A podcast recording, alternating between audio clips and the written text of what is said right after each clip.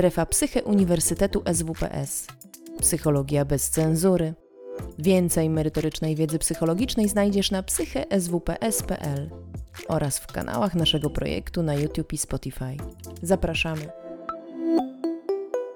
Dzisiaj e, już pan dziekan na początku naszej konferencji przytoczył e, definicję rezyliencji i mówił o tym, co za rezyliencją może stać. Ja tak dla przypomnienia chciałam przytoczyć jedną z takich definicji, która mówi o tym, że rezyliencja w odniesieniu właśnie do osób nauczających w szkole jest takim złożonym i dynamicznym procesem interakcji zasobów człowieka, który pracuje, czyli zasobów osobistych, ale także zasobów zewnętrznych, które będą pozwalały na to, że w sytuacjach trudnych czy sytuacjach traumatycznych taka osoba będzie w stanie powstać, lub powrócić do stanu e, poprzedniego czy stanu wyjściowego. Dlaczego mamy zajmować się rezyliencją w szkole? To myślę jest dość ważne pytanie dla sensowności e, i naszego dzisiejszego spotkania podczas konferencji, ale też zastanawiania się i w, jakby wdrażania pewnych elementów e, dbałości o odporność psychiczną w szkole.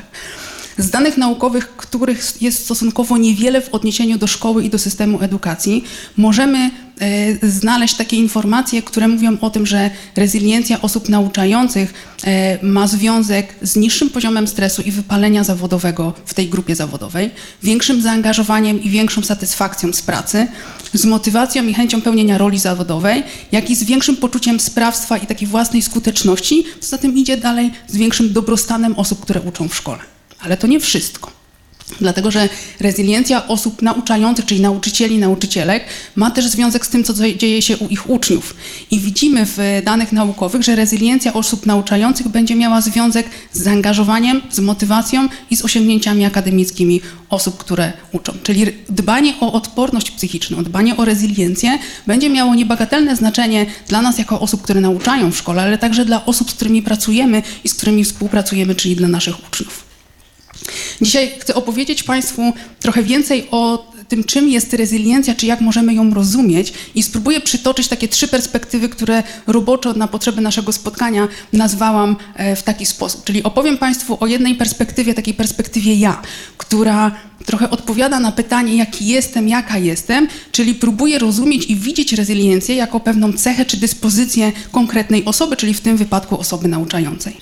Drugą perspektywą, o której będę dzisiaj mówiła, jest rozumienie rezyliencji jako procesu, czyli to będzie ta odpowiedź na pytanie, co ty z tym zrobisz, czyli kiedy spotka cię coś trudnego, to co ty zrobisz, jaką strategię wybierzesz? I w tym kontekście będziemy przyglądali się odporności psychicznej. I ostatnią, trzecią perspektywą jest perspektywa kontekstu, która w moim poczuciu jest czymś nowym, czymś ciekawym i czymś, co wprowadzi nam e, jakby trochę inną perspektywę widzenia i patrzenia na cały system edukacji.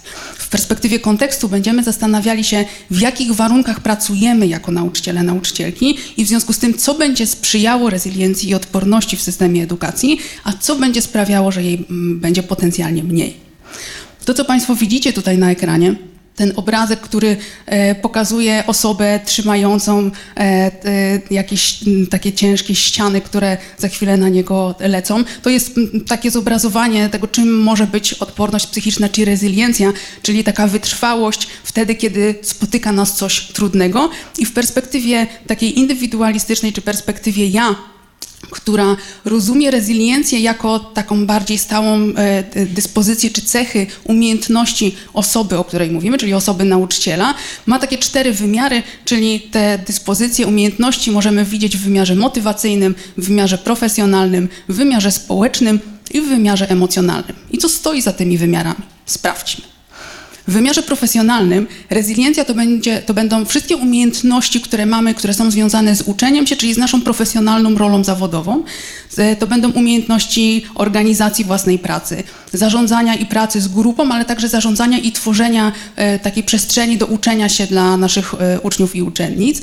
To będą też umiejętności reflektowania swojej pracy, pewnej elastyczności w mojej roli zawodowej. W wymiarze motywacyjnym to będzie otwartość na wyzwania i stawianie samemu sobie realistycznych celów, czyli takie, które są w moim zasięgu. To będzie wytrwałość i pozytywne nastawienie do tego, co robię, taka pewność siebie i pewna radość też z tego, e, e, co, co wykonuję, czy jakie zadania wykonuję w swojej pracy. Wymiarze emocjonalnym. Zobaczcie Państwo, to będzie poczucie humoru, to będzie zdolność i umiejętność do, re, do regulowania własnych emocji, o czym już dzisiaj e, było wspomniane. To będzie też dbałość o dobrostan, o pozytywne emocje, które są związane z uczeniem czy z e, zadaniami, które robię w pracy, czyli właśnie między innymi stworzeniem warunków do uczenia się innym ludziom. I czwarty wymiar, czyli wymiar społeczny, jest związany z tym, co się dzieje między mną a innymi ludźmi, czyli to będą zdolności, umiejętności do budowania, utrzymywania e, różnorodnych kontaktów i relacji społecznych, czyli relacji z moimi uczniami, uczennicami, z osobami, z którymi współpracuję w szkole, czyli na poziomie zespołów, które pracują razem, z osobami, które zarządzają szkołą, ale to będą też te relacje społeczne, które ja mam prywatnie, czyli nie tylko w mojej roli zawodowej, ale także te, które mam w gronie swoich przyjaciół czy rodziny. Czyli wszystkie te umiejętności takie interpersonalne i komunikacyjne, które będą pomagały nam i sprzyjały tworzeniu takich dobrych i długotrwałych relacji e, i kontaktów z innymi osobami. I Zobaczcie Państwo, że ta perspektywa ja, czyli to, że to jest moja umiejętność, moja dyspozycja jako nauczyciela, która czyni mnie osobą rezylientną albo osobą odporną psychicznie, nie odpowiada jakby na wszystkie wyzwania, z którymi spotykamy się w trakcie naszej pracy zawodowej. I dlatego chciałabym przytoczyć tą drugą perspektywę rozumienia odporności psychicznej, która mówi o tym, ok, to mogą być pewne cechy i umiejętności moje, ale jednocześnie w warunkach, w których pracuję, czy w moim otoczeniu będą pojawiały się różnorodne wyzwania, bo przecież odporność psychiczna jest czymś, co sprawia, że ja w obliczu wyzwań będę jakoś działała albo po tych wyzwaniach będę w stanie dojść do takiej własnej równowagi. Czyli możemy rozumieć odporność psychiczną jako taką umiejętność dostosowywania moich działań, czyli używania różnorodnych narzędzi, używania pewnych strategii do radzenia sobie w, i jakby do działania w określonych okolicznościach. Czyli w tej perspektywie to, co będzie istotne, to istotna będzie moja sprawczość i aktywność i dobór też pewnych strategii do okoliczności, z którymi się spotykam. I teraz zobaczcie Państwo, bo myślę sobie, że wielu z nas, którzy pracują w systemie edukacji, te wyzwania bardzo dobrze znają ze swojej codziennej pracy. Wyzwania możemy widzieć na trzech poziomach, które tutaj zaznaczyłam na rysunku, czyli te wyzwania mogą się pojawiać w wymiarze personalnym, w wymiarze interpersonalnym, jak i infrastrukturalnym i jakie one mogą być, to spójrzmy wyzwania na poziomie personalnym, to na przykład będzie brak czasu dla siebie, przeciążenie pracą, czy takie poczucie pewnego nadmiaru obowiązków, ale to będą też takie wyzwania, które wypływają trochę ze mnie, z moich cech, czyli na przykład wtedy, kiedy jestem taką osobą perfekcjonistyczną, to też będzie sprawiało, że te wyzwania w tym wymiarze personalnym mogą się pojawiać. Czy mój brak umiejętności, na przykład do pracy z grupą, do zarządzania procesem grupowym, będą sprawiały, że tych wyzwań takich moich osobistych będę doświadczała więcej na poziomie interpersonalnym, wyzwaniami, z którymi spotykają się osoby pracujące w edukacji, szczególnie pracujące w szkole, to mogą być różnego rodzaju wymagania czy takie oczekiwania rodziców, które są z mojej perspektywy nierealistyczne, albo kiedy wpływa jakiegoś rodzaju skarga na mnie, na moją pracę, na pracę szkoły, ale także zachowania uczniów, z którymi ja nie do końca wiem, jak sobie poradzić, albo takie, na które, które są jakąś nowością w ogóle w obliczu życia naszej szkoły. Takim wyzwaniem może być też potrzeba odpowiadania na bardzo różnorodne potrzeby uczniów, czyli to, co mówimy o stanie takim psychicznym i zdrowiu psychicznym młodych osób, to przecież każdy z nauczycieli, który jest w szkole, widzi to na co dzień. Pracuje z dwudziestką, czasami trzydziestką uczniów, z którego zazwyczaj kilkoro ma pewne trudności. I to widać na co dzień, spędzając z nimi ten czas podczas e, zajęć czy innych aktywności, które mamy w szkole. Innym rodzajem wyzwań z poziomu interpersonalnego może być brak uznania i wsparcia, czyli to, o czym mówimy o takim społecznym postrzeganiu roli osoby nauczającej czy roli szkoły i tego, jak osoby z zewnątrz widzą naszą pracę, na ile ją jakoś doceniają, uważają ją za ważną i istotną e, w swoim życiu lub w życiu społecznym. I ostatni poziom wyzwań, czyli poziom infrastrukturalny, który dotyczy samej organizacji pracy szkoły. Czyli to będzie na przykład e, to, z czym spotykała się część nauczycieli, e, kiedy okazuje się, że w szkole nagle uczą się dwa roczniki, a my nie mamy wystarczającej ilości sal kiedy w sali mamy 20 e, krzeseł i do tego oczywiście stoły, ale teraz nagle w naszej klasie będzie uczyło się 32 uczniów. Skąd ja mam wziąć te rzeczy? Wydaje się, to tak, tak, że to z takiego poziomu prozaicznego naszej pracy, ale są to bardzo poważne wyzwania na poziomie infrastruktury, na które my też jakoś odpowiadamy i w e, perspektywie procesu, która mówi o tym, ok, jeżeli spotkasz się z takim wyzwaniem, to co ty z tym zrobisz? I to, co ty z tym zrobisz, czyli jaką strategię wybierzesz na poziomie emocjonalnym, motywacyjnym, społecznym czy profesjonalnym, to to będzie ten wymiar twojej odporności psychicznej, twojej rezyliencji w szkole. Patrząc na te dwie perspektywy, e, tworzy się obecnie, jeszcze nie jest to jakoś intensywnie wdrażane w Polsce, ale istnieją takie programy, które mają należycie przygotować e, osoby nauczające do pracy w szkole.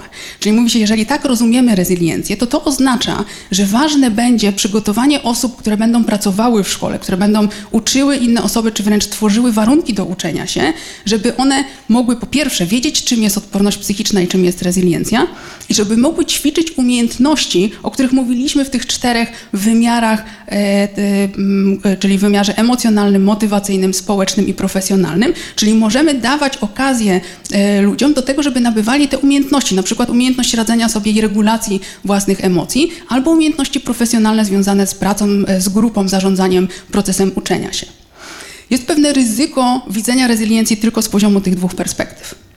A mianowicie to ryzyko leży w tym, że kiedy widzimy rezyliencję jako pewną cechę moją osobistą czy moje umiejętności, to to może sprawiać, że nie docenimy pewnych wyzwań czy ryzyk, które są w otoczeniu i w środowisku i odpowiedzialnością za to, jak na przykład działa cały system edukacji, będziemy więcej widzieli jej w poszczególnych osobach albo w pewnej grupie zawodowej, jaką są nauczyciele, nauczycielki, a to nie zawsze wcale musi tak być.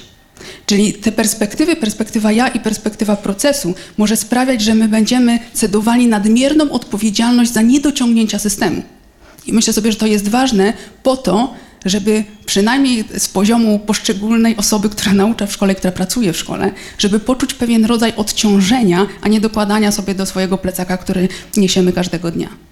I dlatego istotna i kluczowa wydaje mi się trzecia perspektywa widzenia odporności psychicznej czy rezyliencji, czyli perspektywa kontekstu, która mówi o tym, że kontekst jest kluczowy w rozwoju osobistej rezyliencji. Czyli zobaczcie Państwo, możemy patrzeć na rezyliencję jako na, naszą, na nasze pewne dyspozycje, umiejętności, ale jednocześnie, jeżeli chcemy widzieć rezyliencję i chcemy dbać o rezyliencję w szkole, to potrzebujemy tworzyć takie warunki, w których ta rezyliencja będzie mogła się rozwijać, żeby mogła się budować, Czyli nie możemy oczekiwać tego, że nagle ta rezyliencja będzie, bo akurat włożymy tam takie osoby, które są rezylientne do całego systemu edukacji. Tylko raczej, że potrzebujemy dbać o kontekst, który będzie sprzyjał rozwojowi rezyliencji w całym systemie, czyli jednocześnie będzie sprzyjał rozwojowi takiej osobistej rezyliencji poszczególnych osób, które pracują w systemie edukacji. I patrząc na perspektywę kontekstu, Możemy rozumieć ją w taki sposób, e, który spróbowałam jakoś zobrazować na, na rysunku, że rezyliencja będzie, jakby, będzie miała coś do powiedzenia w tych czterech wymiarach, którym, a największy e, wymiar będzie tym wymiarem kulturalno-strukturalnym, czyli trochę pytanie o to, jak w ogóle jest zorganizowany cały system edukacji, jak tworzone jest prawo, jakie wymogi prawne nas, nakłada się na poszczególne instytucje, na poszczególne szkoły, jak rozkłada się pewne odpowiedzialności między nimi. To pojawia się e, stosunkowo często w moich rozmowach z nauczycielami, których próbujemy, czy na przykład myślimy o jakimś nowym pomyśle, o pewnej innowacji w edukacji, a część, część nauczycieli mówi, ale prawo nam na to nie pozwoli. Tak? Prawo nas ogranicza, nakłada pewną kontrolę na pewne elementy naszej pracy, w związku z tym nie da się. Czyli wydaje się, że ten wymiar kulturalno-strukturalny będzie miał niebagatelne znaczenie dla, dla tego, jak będziemy pracowali w poszczególnych miejscach, w poszczególnych szkołach. Dopiero drugim wymiarem, tym granatowym, jest wymiar instytucjonalno-organizacyjny, czyli ten, który dotyczy samej szkoły, czyli tego, jak organizujemy nasze życie szkolne w poszczególnej placówce. Dalej będzie to wymiar społeczny, czyli jak układają się nasze relacje. Relacje między osobami, które są w tym miejscu, czyli relacje między osobami e, uczącymi i osobami uczącymi się, czyli e, naszymi uczniami. Jak to będzie między pracownikami szkoły, a osoby, które, osobami, które zarządzają tym, tą szkołą i jednocześnie jak to będzie się układało między nami jako pracownikami szkoły, a rodzicami uczniów, którzy też są częścią całej społeczności szkolnej. I dopiero ostatnim wymiarem jest ten wymiar osobisty, o którym e, mówiłam Państwu przed chwilą, czyli taki, w, których możemy, w którym możemy przyglądać się tym e, takim jednostkowym umiejętnościom, które będą pozwalały nam reagować e, czy w określony sposób funkcjonować w obliczu wyzwań i trudności. I kiedy spojrzymy na to, co wiemy z literatury na temat tego, jakie będą czynniki ryzyka i jakie będą czynniki, które będą sprzyjały rezyliencji i odporności psychicznej w szkole, bo mówimy tu tylko o edukacji, to możemy wyciągnąć tutaj kilka wniosków. E, to, co wiemy, to takim czynnikiem, który będzie sprzyjał rezyliencji na poziomie osobistym, czyli poszczególnych osób, które pracują w szkole, to będzie wysokie poczucie własnej skuteczności. Czyli to, że ja mogę, że potrafię. Jest to jakoś związane, myślę, z tymi wymiarami, o których mówiliśmy dzisiaj e, z perspektywy takiej indywidualnej, czyli posiadanie na przykład profesjonalnych umiejętności zawodowych będzie co nieco dawało mi takiego poczucia, ja sobie poradzę w pracy i mam e, e, jaką, jakiś rodzaj takiej własnej skuteczności. Czynnikiem ryzyka jest odwrotność, czyli niski poziom własnej skuteczności. W wymiarze społecznym to, co wiemy z analiz e, e, badań, które były do tej pory w edukacji prowadzone, że konfliktogenne środowisko pracy i brak wsparcia, e, które płynie z relacji, czyli brak wsparcia od przyjaciół, od rodziny i od otoczenia wokół mnie, będzie takim czynnikiem ryzyka, czyli czymś, co będzie sprawiał, że o rezyliencję będzie trudniej w szkole. Natomiast czynnikiem sprzyjającym będzie to, że mamy fajny zespół, który potrafi wspierać się nawzajem, który potrafi współpracować i robi to realnie na co dzień i otrzymywanie wsparcia od przyjaciół i rodziny. Z poziomu instytucji, organizacji, czyli samej szkoły. To, co widzimy w danych y, naukowych, to to, że kiedy szkoła ma taki niesprzyjający klimat, szczególnie klimat i kultura szkoły, która jest nastawiona na wynik, to co czasami, y, o czym mówi się też między nauczycielami, czyli tak zwana testoza, bo to, że ten, te egzaminy są najważniejsze, że my całą szkołą będziemy teraz robić coś, żeby wyniki egzaminów były jak najlepsze, jak najwyższe. To oparcie kultury szkoły o ten wymiar będzie czymś, co będzie utrudniał, y, to będzie coś, co będzie utrudniało rozwój rezyliencji odporności psychicznej w szkole to, że mamy pewne wartości, które nie są reprezentowane w szkole, czyli wartości instytucji, wartości szkoły, które będą niezgodne z tym, co my myślimy sobie o tym, co jest dla nas osobiście ważne w życiu, będzie też czynnikiem ryzyka, czyli niesprzyjającym rezyliencji brak dostępu, dostępu albo taki nieadekwatny dostęp do rozwoju profesjonalnego. Czyli to, kiedy widzimy, że mamy jakieś potrzeby w szkole, że brakuje nam pewnych umiejętności, nie wiemy, co robić z jakimś aspektem działania w naszej pracy lub w szkole, ale nie mamy do końca jakby tego rodzaju na przykład szkoleń, że te szkolenia są, ale one są jakby w innym temacie i nie odpowiadają na nasze potrzeby, które mamy w danym momencie. Nadmiar obowiązków i takie poczucie obciążenia różnymi obowiązkami w pracy też będzie czynnikiem ryzyka. Czynnikiem sprzyjającym rezyliencji będzie natomiast zaufanie i autonomia w środowisku pracy i takie zaufanie i autonomia też w zarządzaniu szkołą, czyli to, o czym dzisiaj już co nieco było, czyli powiedzenie w szkole ważny jest szacunek, zaufanie do siebie nawzajem między różnymi osobami, które w tej szkole e, czy w danej organizacji e, pracują. Pozytywny klimat szkoły i możliwość profesjonalnego rozwoju to będą czynniki sprzyjające rezyliencji. Jeśli chodzi o ten wymiar taki największy, czyli ten kulturalno-strukturalny, to tutaj wiemy najmniej. To znaczy to, co płynie z badań, a ich było stosunkowo niewiele, szczególnie takich, które porównują różne kultury i to, jak w różnych kulturach e, przejawia się rezyliencja w szkołach i w edukacji, to to, co na ten moment wiemy, to, że podejmowanie takich wysiłków, które mają e, przeciwdziałać nierównościom, to będzie coś, co będzie sprzyjało rezyliencji, a czynnikiem ryzyka będą właśnie takie nierówności, które dotyczą na przykład dostępu do, do edukacji, czy które dostępną, dotyczą nierówności e, związanych z płcią e, czy z narodowością.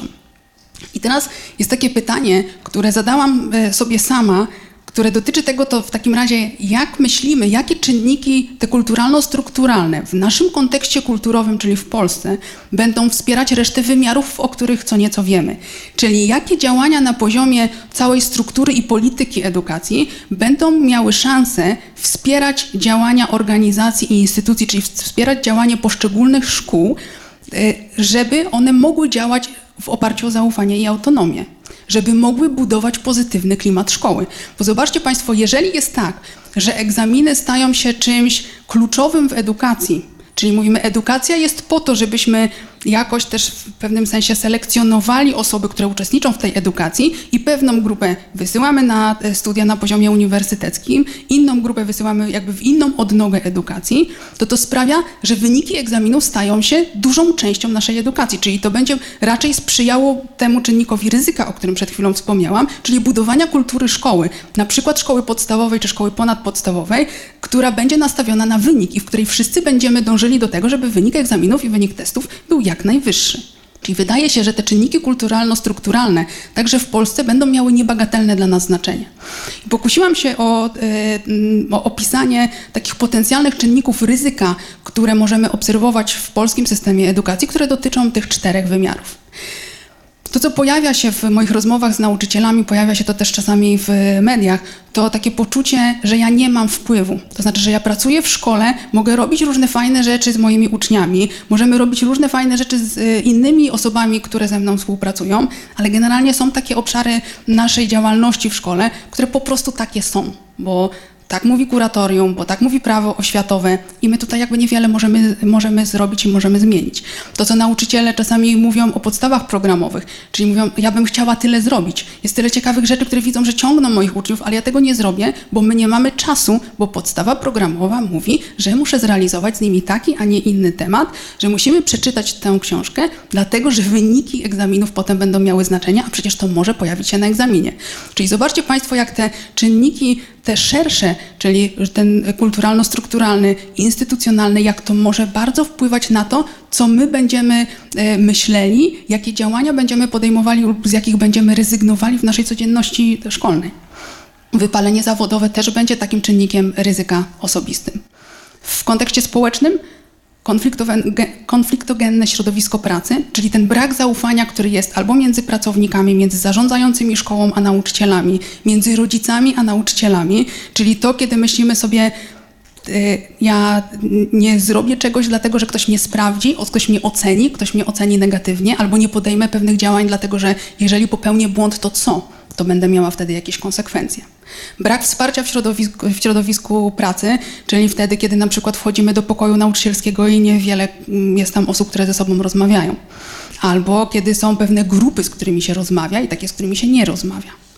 W wymiarze instytucjonalnym i organizacyjnym to, co będzie czynnikiem ryzyka, które pojawia się w Polsce, to właśnie ten niewspierający klimat szkoły. Kultura, która będzie, e, kultura szkoły, która będzie nastawiona na wynik e, i na testowanie.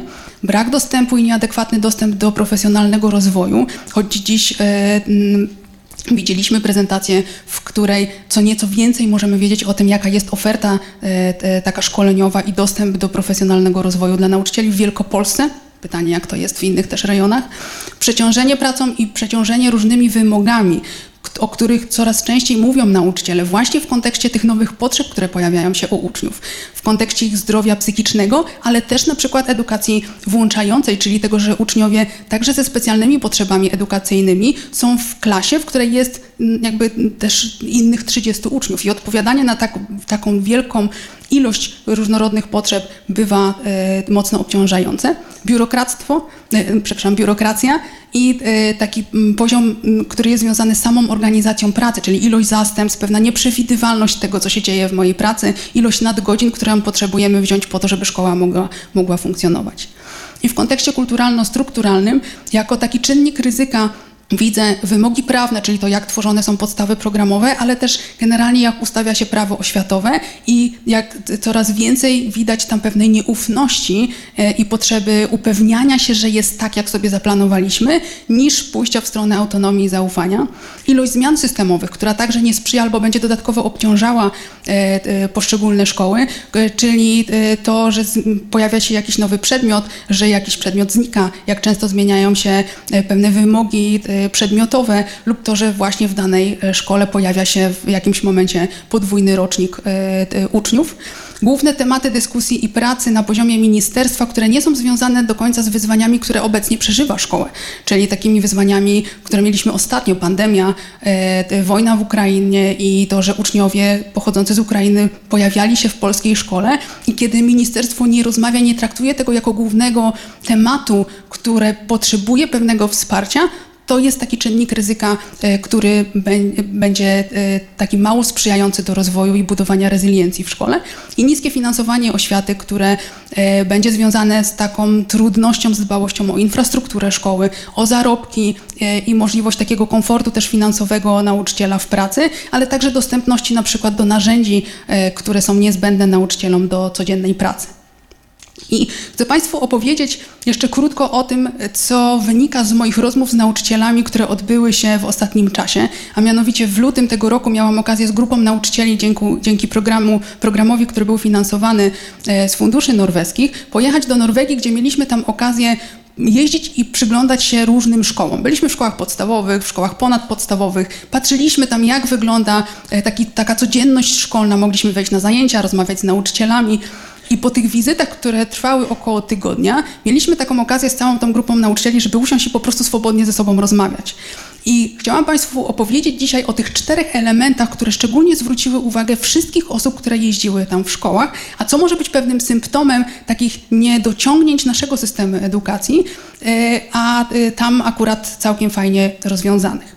To, co, o czym nauczyciele mówili i co zauważyli, to że każdy nauczyciel miał swoje miejsce i narzędzia do cichej pracy. I zobaczcie Państwo to zdjęcie, które pokazuje najbardziej po prawej stronie, czyli taki boks, tam jest biurko, jest szafka, jakieś materiały, to jest miejsce do samodzielnej pracy nauczyciela w szkole. Czyli istnieje kilka takich pomieszczeń w budynku szkolnym i nauczyciel, kiedy potrzebuje przygotować się do swojej pracy, ma tego rodzaju miejsce na stałe przypisane do siebie. Swoją szafkę, swoje materiały, swoje karteczki i notatki, które potrzebuje do pracy. Kolejnym elementem było to, że nauczyciele w każdej szkole, w której byliśmy, mieli swoje miejsce do spotkań zespołowych i mówili o tym, tak, my się regularnie spotykamy. To są spotkania, które odbywają się raz w tygodniu. I raz w tygodniu spotykamy się z zespołem, którym najbliżej pracuje, i raz w tygodniu mamy spotkanie całej kadry, całego zespołu szkolnego. I spotykamy się w takich przestrzeniach, o który, które tutaj widzicie, czyli na kanapach, tam jest zawsze też dostęp do kuchni, czyli możemy przygotować sobie coś do jedzenia i na co dzień te pomieszczenia służą temu, że, będzie, że możemy po prostu być ze sobą, spędzać tam przerwy.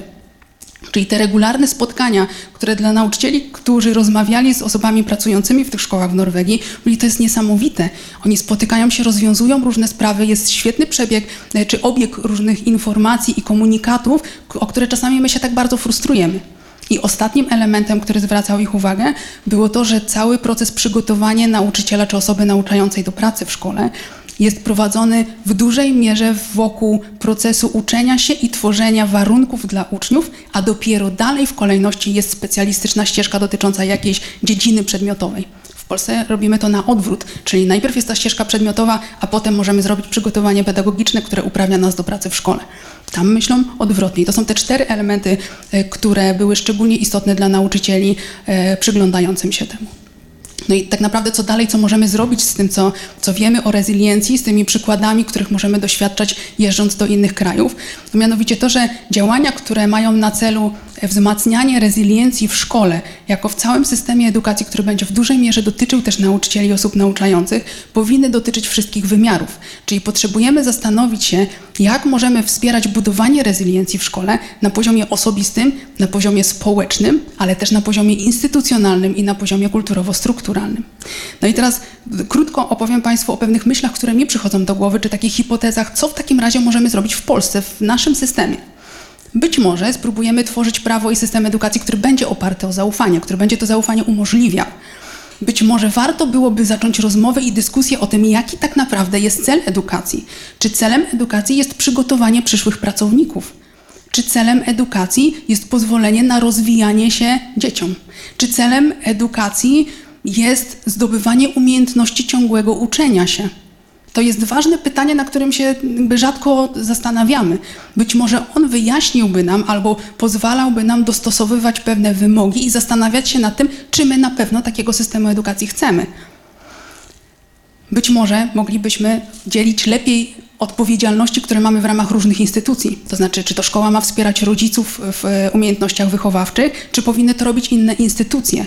Kto odpowiada za ten proces e, związany z e, takim wspieraniem, czy wręcz leczeniem różnych zaburzeń psychicznych, które pojawiają się u dzieci i młodzieży?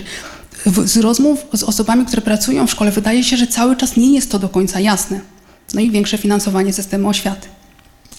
W wymiarze instytucjonalnym i organizacyjnym być może udałoby nam się organizować pracę tak, żebyśmy mogli lepiej wspierać nasz profesjonalny rozwój jako pracowników szkoły i dobrostan pracownika. Gdyby udało nam się prowadzić edukację, która będzie oparta o najnowsze wyniki badań dotyczących uczenia się i organizacji tego procesu i y, kształcić kadry, które pracują w szkole, bardziej w oparciu właśnie o, o tym, czym jest uczenie się i jakie warunki będą sprzyjały uczeniu się naszych uczniów, ale także współpracy na poziomie i naszym dorosłych, ale też między nami a dziećmi i między e, dziećmi między sobą. No i współpraca szkół z, uniwersytet, z uniwersytetami, która prawdopodobnie umożliwi nam lepiej by mieć lepszy dostęp do najnowszej wiedzy, żeby móc lepiej organizować pewne innowacje, ewaluować swoją pracę i przyglądać się temu, co naprawdę jest skuteczne w realizacji celów edukacji, a co nie. Na wymiarze, e, czy w wymiarze społecznym takim kierunkiem może być wzmocnienie pracy zespołowej i dbałości o relacje, wspólne rozwiązywanie problemów i konfliktów i dbałość o relacje z e, innymi członkami społeczności szkolnej, czyli z rodzicami, uczniami, które będzie oparte też o nasze role i odpowiedzialności, które mamy w systemie a na poziomie osobistym dbałość o rozwój kompetencji profesjonalnych i społeczno-emocjonalnych, jak i o work-life balance. To są pomysły, które przychodziły mi do głowy analizując dane, które mamy dotyczące odporności psychicznej w szkole, ale wydaje się, że to nie są tylko moje pomysły, bo takie pomysły pojawiają się w różnych miejscach i coraz częściej możemy słyszeć o tym, co my tak naprawdę, czy czego chcemy od edukacji, jak my to chcemy robić. I taką inicjatywą warte, wartą uwagi, która e, jest dość spójna z tym, co dzisiaj powiedziałam Państwu o rezyliencji i o budowaniu tego kontekstu, którym rezyliencja może się rozwijać i może się budować, jest Obywatelski Pakt Edukacji, który ma 10 postulatów. Między innymi, zobaczcie Państwo, to jest samodzielność szkoły zamiast centralnego sterowania. To jest e, szkoła wsparcia i współpracy, a nie rywalizacji. Czyli część z tych punktów rzeczywiście odpowiada na to, co mogłoby być takim kierunkiem działań, które wzmacniałoby rezyliencję i odporność psychiczną w systemie edukacji. I na tym chciałam zakończyć. Bardzo Państwu dziękuję za uwagę. Jeżeli macie Państwo ochotę poczytać więcej, to zapraszam też e, e, do dalszej literatury. Dziękuję. Ja również bardzo dziękuję i zapraszam jeszcze na chwilkę rozmowy Pojawiło się kilka pytań na czacie. E, ja również chciałabym zadać kilka pytań. E, bo pomyślałam sobie, że jakoś tak będę tutaj e, podpytywać e, tak bardziej lokalnie, czyli co może zrobić nauczyciel, dyrektor prowadzący placówkę oświatową, tak tu i teraz, lokalnie, nie globalnie, bo rozumiem, że tutaj są kierunki dalszej pracy czy wykorzystania tej wiedzy, którą mamy na temat budowania odporności psychicznej, a gdybyśmy mieli wyjść z czymś takim konkretnym dzisiaj, to co możemy zacząć na swoim własnym podwórku już teraz? Co na przykład możemy, już tak wejdę w słowo, które jeszcze nie padło, ale już miało paść. Co możemy zrobić, e, na przykład co możemy wykorzystać e, z norweskich e, tutaj doświadczeń? Zaczęłabym jednak od tego, że poza takim konkretem, który możemy wziąć od siebie, żeby ściągnąć z siebie cały ten ciężar, który jest związany z odpowiedzialnością, który mam wrażenie pojawia się coraz częściej w moich rozmowach z nauczycielami. Czyli to, że pojawiają się jakieś problemy dotyczące systemu edukacji, to część nauczycieli wkłada to sobie do swojego plecaka i mówią, to jest część mojego problemu i to jest tylko w moich rękach, żeby to rozwiązać. I moim zdaniem istotne jest to, żebyśmy pamiętali, że to nie wszystko jest w naszych rękach, że my społecznie działając możemy pewne elementy zmieniać. Ja mogę coś zrobić, ale to nie będzie wszystko.